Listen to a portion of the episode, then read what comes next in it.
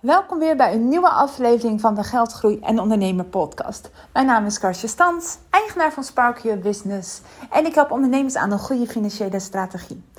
En uh, ja, ik, uh, ik had echt een enorm goed onderwerp uh, voor mijn podcast. En die heb ik nog steeds. En ik begon hem te net op te nemen. Toen dacht ik, ja, maar ik heb jullie nog zoveel meer te vertellen. Uh, dus ik doe eerst even een aflevering, een bijpraataflevering. Uh, want er is best wel veel gebeurd de afgelopen tijd. Vooral met mezelf en hoe ik uh, kijk even weer op het ondernemerschap. Dus ik, ik deel je ook alweer een paar inzichten daarin. En dan de volgende aflevering gaat uh, over hoe bouw je een financieel team. Dat was de oorspronkelijke gedachte. Om daar een podcast over, te nemen, op, over op te nemen. En de aflevering daarna wordt mijn interview met Boukje. Die is heel, dat is ook heel interessant. Ik had hem in de vorige aflevering al aangekondigd dat hij aankomt. Hij komt er ook aan, alleen tussen niet deze aflevering, niet de volgende aflevering, maar de aflevering daarna. En uh, ja, het is uh, acht uur. Ik ben klaar en klaar wakker. Het is, uh, het is de wintertijd is ingegaan. Eh, afgelopen zaterdag of ja, zaterdag op zondagnacht.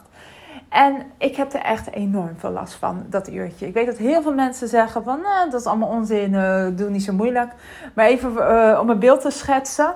Als ik naar New York ben geweest, die zes uur tijdsverschil doe ik ongeveer gemiddeld drie weken over om ervan bij te komen. Uh, en dat, ik ben ook een keertje naar Vancouver geweest. Daar ga ik volgend jaar weer heen. en zeker voor langere tijd ja, die tijdsschil van min 9, nou, dan kan je me inpakken voor twee maanden. Het is echt, ik heb er enorm, gewoon enorm veel last van. Uh, melatonine, medicijnen, ik heb het allemaal ingenomen. Maar uh, het is gewoon een kwestie van tijd dat het er weer uitgaat. En als ik daar ben, heb ik daar minder last van. Omdat je dan gelijk bezig bent, weet je. Dan, uh, ja, dat herken je ook misschien dat je op zondag gewoon thuis. Ja, nee, dat gebeurt niet zoveel. Ja, er gebeurt wel veel, maar uh, daar zit je gewoon in het normale leven. En in uh, Vancouver, in New York, heb ik altijd een soort adrenalinestoot waar, zeg maar, waar ik door die moeheid heen kan. ja, ik weet niet wat het is. Maar goed, ik heb er enorm veel last van. Um, maar goed, het is dus acht uur. En normaal gesproken ben ik altijd rond vijf uur, half vijf van mezelf wakker. Nu was dat dus half vier, vier uur. Dus ik ben echt, zoals je hoort ook aan mijn stem, klaar en klaar wakker. En ik zat te denken, zal ik al naar kantoor gaan? Maar toen dacht ik, ja, dan zit ik er ook maar een beetje daar te, te zitten. Uh, en ik heb gewoon nog de hele dag afspraken ook. Dus ja, ik dacht, nou, uh, gewoon lekker rustig aan.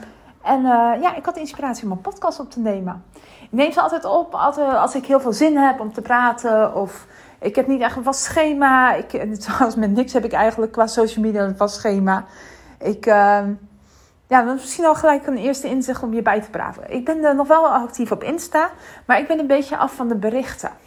Ik heb in, uh, toen ik in Berlijn was, heb ik heel veel mensen ontvolgd. Gewoon omdat ik een beetje moe werd van al die reclame die je constant om je oren krijgt op Instagram in die berichtjes. En ook van onbekende mensen die ik helemaal niet ken.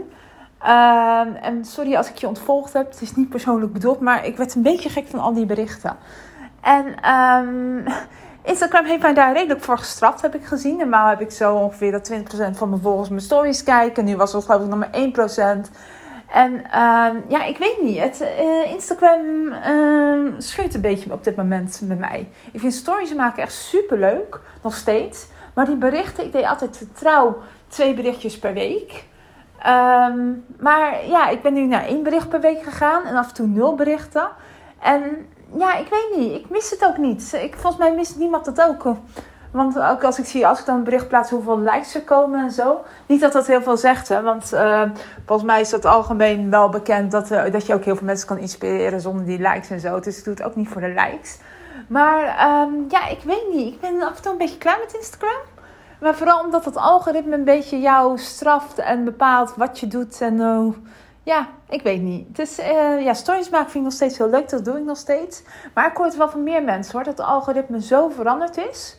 Um, dat heel veel uh, mensen ermee strukkelen. Ik heb bijna al mijn klanten alweer gesproken in oktober. En uh, de meeste mensen zeggen het ook. Dus ik vind dat ook wel heel interessant dat ik het dus niet alleen ben. En uh, er zijn nog mensen die heel veel verkopen via Instagram. Maar iedereen merkt wel dat je een soort van... Ja, als je niet in de wheels zit dat je dan al een beetje al min, uh, min 5 achter staat. Uh, wat hartstikke zonde is van zo'n platform. Want dan snap ik ook gewoon niet. Want Instagram heeft natuurlijk een heel tijdje, heel, heel even, zeg maar, een nieuw format gehad. Dat het echt meer op TikTok leek. Waar natuurlijk heel veel klachten over gekomen. Toen hebben ze het weer teruggedraaid. Op één manier willen ze die video's erheen jassen. Ehm, maar goed, ja, het is, ik ben nu heel erg bezig ook. Ehm, oké, naast Instagram, wat hebben we dan nog meer? Waar kunnen we nog meer reclame uit krijgen? Nou, LinkedIn is natuurlijk een hele goede. Uh, ook, ik zeg dat ik daar een tijdje niet heb op gepost. Um, en podcast is natuurlijk een hele goede, omdat het blijvend is. Ik heb nog steeds mensen die mijn allereerste podcast van ongeveer anderhalf jaar geleden luisteren. Er zijn mensen die ze allemaal tegelijk luisteren. Dus dat blijft. En uh, ja, ik ga dus ook met mijn stagiaire ga ik op TikTok zitten. Dus daar ben ik ook heel benieuwd naar. Uh, maar ik ben een beetje aan het uh, experimenteren wat ik leuk vind. Nieuwsbrief is natuurlijk ook altijd een goeie. maar ik ben een beetje aan het experimenteren. Dus dat is een beetje wat er gaande is. je hoort, het wordt een echt een hele algemene brede podcast. Hey, en voor de rest, ehm, wat er gaande was, dat is wel ehm, iets waar ik van het weekend heel erg mee zat. Um, ik kwam vrijdag, ik merkte, ik uh, heb altijd met een vriendin van mij. En ik merkte eigenlijk dat ik de afgelopen week heel veel frustratieberichtjes naar haar had gestuurd. Van, nou, wat Tina weer heeft gedaan, nou, dan kan je toch niet geloven dat dat gebeurt, dit en dat. Je kent ze wel. En ik heb ook een frustratieschrift. ik heb een hele mooie leren map met daar een heel notitieboek. En dat noem ik altijd mijn frustratieboek, schrift. En daar schrijf ik altijd al mijn frustraties op. En heel klein altijd. En uh, zeg maar heel klein handschrift. Dus als je het ook opent, het is 200 pagina's vol kriegelig handschrift. Uh, maar voor mij werkt dat omdat ik dan kwijt ben en dat ik dan uh, minder in de emotie zit. En het is ook heel grappig om dan te kijken wat je bijvoorbeeld een maand geleden hebt geschreven. Dat je daar toen zo druk om maakte. Terwijl het nu totaal niet meer van belang is. Maar ik merkte dat ik dus heel erg in die frustratie zat. Heel erg in die emotie en ja, dat is niet goed. Weet je, je bent aan het ondernemen voor het plezier. En zodra er een beetje uh, zaggerijn in komt te zitten, is dat niet goed. Dus ik heb van het weekend heel erg bij mezelf uh, te raden gegaan van waar ligt dat dan aan? Waarom uh, loop ik hier ineens tegenaan? Want die mensen doen niks mis. Het is natuurlijk meer hoe ik erop reageer. En nou ja, ten eerste, toen dacht ik bij mezelf, nou ten eerste is het gewoon het maandelijkse feestweek. Dus daar zit natuurlijk al heel veel dingen in. Ik weet niet of je dat herkent misschien. Als je man bent niet, maar als je vrouw bent wel. Dat je echt denkt van, oh ja, daar was ik een beetje zaggerijnig. Oh ja. Maar er zat ook nog wel wat anders in. Um, en dat is eigenlijk dat ik het gewoon te druk heb in oktober. En uh, ik heb uh, al mijn klanten zie ik eigenlijk één keer in het kwartaal. Dus meestal met de BTW-maanden. Dus de maanden waar je BTW in moet leveren. Het is oktober, januari, april, uh, wat hebben we nog? Juli. Ja, dat zijn die vier maanden. En dan heb ik het gewoon heel druk. Dan zie ik mensen, heel veel mensen. Ik heb soms vijf, zes gesprekken per dag. En dat allemaal in oktober. En op een gegeven moment uh, ben ik er gewoon klaar mee. En uh, ik vind dat elke klant evenveel energie moet krijgen van mij. Dus ik doe daar ook alles aan om die klant helemaal te, uh, ja, te omhelzen en te helpen. Oké, okay, omhelzen figuurlijk dan natuurlijk. Maar om die mensen te helpen en enthousiast mee te zijn. En echt mijn beste ik-taart voor te geven. En dat lukt ook altijd. Alleen soms wel aan het eind van de maand ten koste van mezelf. En uh, dus dat was voor mij ook wel, ik denk van, oh ja, het is weer gebeurd. Want ik herken dat ook van toen in, uh, wat was het dan? Uh, ja, juni, september, juni volgens mij. herkende ik dat ook. En toen ging ik gelukkig naar Parijs toe. Of in juli. naar Parijs toe en dan ben ik het ook weer kwijt. Ik ga nu binnenkort naar Kopenhagen, dan ben ik het ook weer kwijt. Maar er zit gewoon te veel in in die maand. dus ik moet dat anders doen. Ja, en het waren ook allemaal aannames. En ik dacht altijd, iedereen wil me altijd in oktober zien. Iedereen wil me op hetzelfde moment zien. Maar nu ga ik in januari naar Amerika. Uh, heel de maand.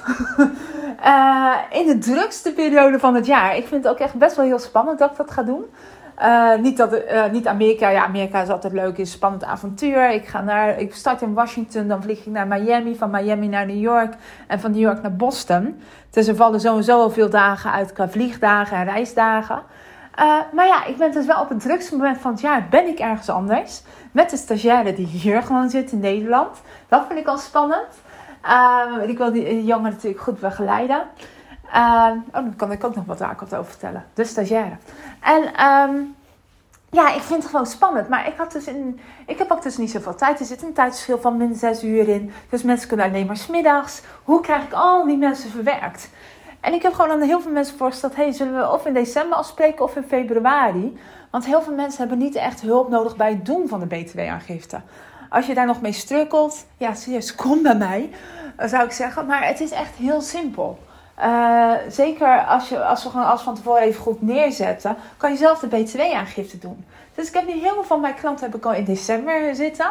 Ik heb een aantal in januari zitten en ik heb een aantal in februari zitten.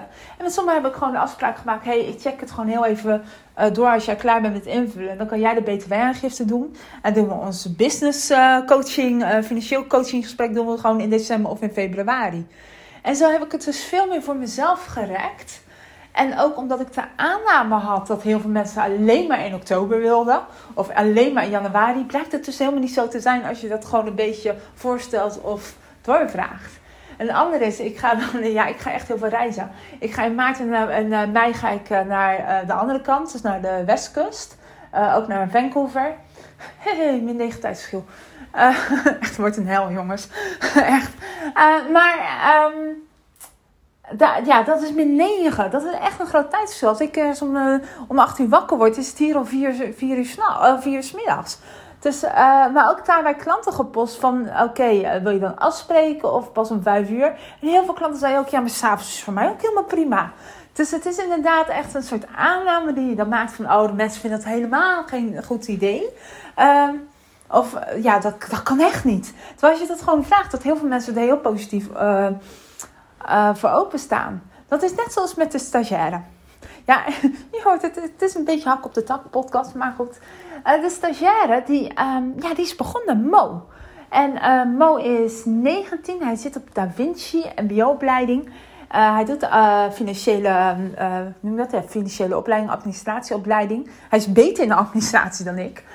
En ja, die is een stagiaire, hij is twee weken geleden begonnen. En ik ben echt heel enthousiast. Ik vind het leuk om uh, uh, ja, studenten te begeleiden. Ik wist niet dat ik dat zo leuk vond. uh, wat je, ja, misschien heb je het al eerder gehoord, maar ik had een stuk of twintig studenten als een roede om me heen lopen. er waren geen stagiairs, die hadden gewoon een opdracht van mij als bedrijf aan hun voor een bedrijfsvideo te maken. Een kerstkaart te maken en een logo te maken. En ik vond het echt leuk om met die mensen te werken en te begeleiden. En ja, ik weet eigenlijk niet dat ik dat zo leuk vond. Dus dat was voor mij een hele ontdekking. En uh, dus nu hebben Mo. En Mo, uh, ja, die werkt drie dagen in de week. 20 uur in de week en voor een jaar lang. Dus ik, heb, ja, ik, kan, ik kan ook echt iets met hem opbouwen. Dus dat vind ik wel heel fijn. En die helpt mij tegenwoordig. En ehm, ik ben helemaal draad van mijn verhaal weer kwijt. maar in ieder geval, die helpt mij helemaal veel. Dus daar ben ik super blij mee. En uh, oh ja, ik weet al waar ik naartoe wilde. En dat was ook een aanname waar ik denk van nou, mensen willen echt alleen maar met mij werken. Uh, dat is natuurlijk ook van met het delegeren of iemand in dienst nemen. We, zijn, we denken allemaal, in ieder geval, ik dacht dat als, eh, ik even alleen naar mezelf kijk, van ja, mensen willen alleen met mij werken. En als ik dat aan iemand anders geef, dan, dan lopen ze weg en zo. Maar ik denk dat acht van de tien klanten zijn, ja, maar als jij iemand neerzet die net zo goed is als jij, of uh, op andere, andere krachten of andere sterktes heeft, of talenten heeft dan jou, is dat ook helemaal prima. Uh, dus dat was ook wel een mooie eye-opener voor mij. Dat heel veel mensen ook gewoon denken dat je.